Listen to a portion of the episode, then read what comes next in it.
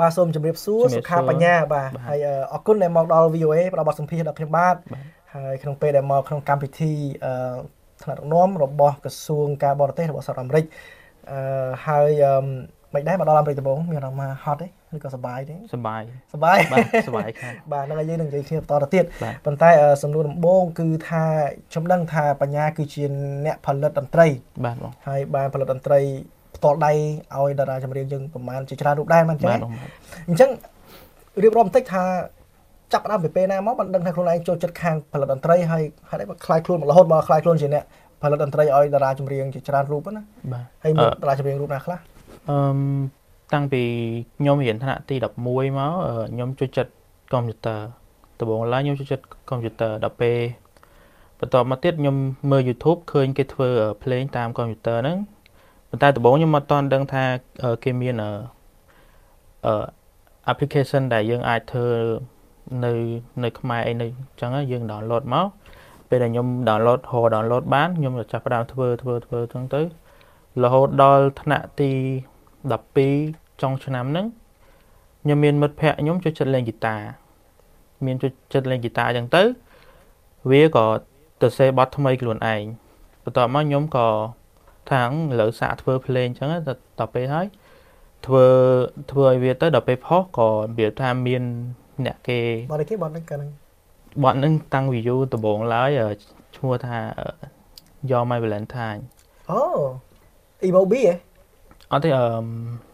មកប្រាក់នេះឈ្មោះ Na Tomorrow អូខេអូខេ Your Valentine អូខេហ្នឹងហើយដល់ពេលអ្នកដែលនាំឲ្យខ្ញុំឲ្យគេស្គាល់ហ្មងហ្នឹងគឺបងអេដា បងអេដាហ្នឹងហើយទៅសេបត់ឲ្យគេគាត់ហ្នឹងអឺបត់ដំបូងបំផុតបត់ Now and Forever បត់ហ្នឹងគឺបត់ដែលខ្ញុំសាកធ្វើវាថាអឺខំប្រឹងធ្វើឲ្យវារៀងលយជាងគេដំបូងហ្នឹងហើយខ្ញុំចង់សួរតិចធម្មតាយើងមានយុវជនខ្មែរយើងក៏ដោយយុវជនខ្មែរយើងក៏ដោយគាត់ពេលខ្លះគាត់ចូលចិត្តខាងខាងវិស័យផលិតតន្ត្រីហ្នឹងគាត់គួយជិះកុំព្យូទ័របង្កើតតន្ត្រីហើយ ធ្វើម៉េចបានឲ្យតារាចម្រៀងល្បីចាប់អារម្មណ៍លើតន្ត្រីរបស់យើងមកយើងទៅតាក់ទងគាត់ឬក៏មិនសូមរៀបរាប់បន្តិចមើលថាធ្វើម៉េចបានឲ្យលោកអេដាចាប់អារម្មណ៍អឺ JR ការការរបស់ JR ហ្នឹងបាទអឺដំបូងឡើយគាត់អឺ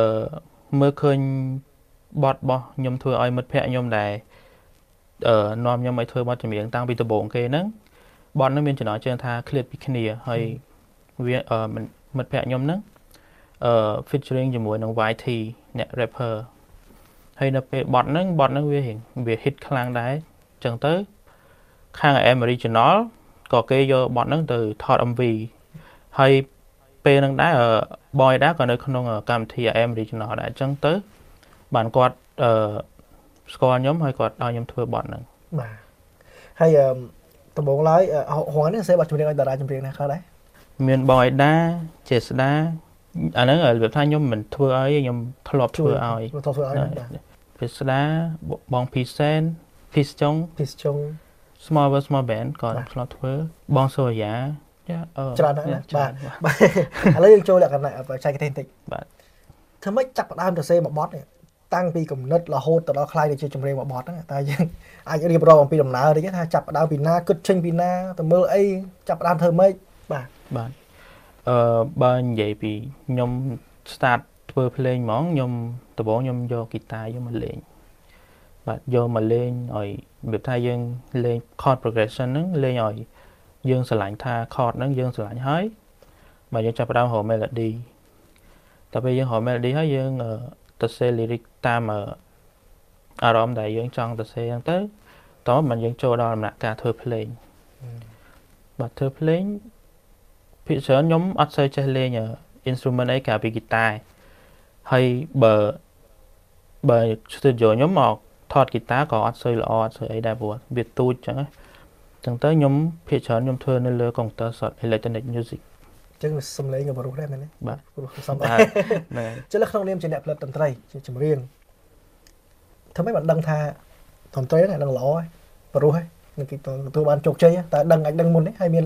កត្តាវាខ្លះដែលគិតថាឲ្យឲ្យយើងដឹងមុនណាខ្ញុំអត់ដែរគិតថានឹងបត់ហ្នឹងធ្វើឲ្យនឹង hit ទេខ្ញុំអត់ដែរគិតមកនិយាយទៅអឺពេលដែលខ្ញុំធ្វើហ្នឹងខ្ញុំធ្វើតាមចិត្តដែលខ្ញុំស្រឡាញ់ហើយខ្ញុំធ្វើតាមចិត្តចង់ហើយបើចេញទៅ hit ក៏ hit បើអត់ក៏អត់ខ្ញុំនៅតែធ្វើទៀត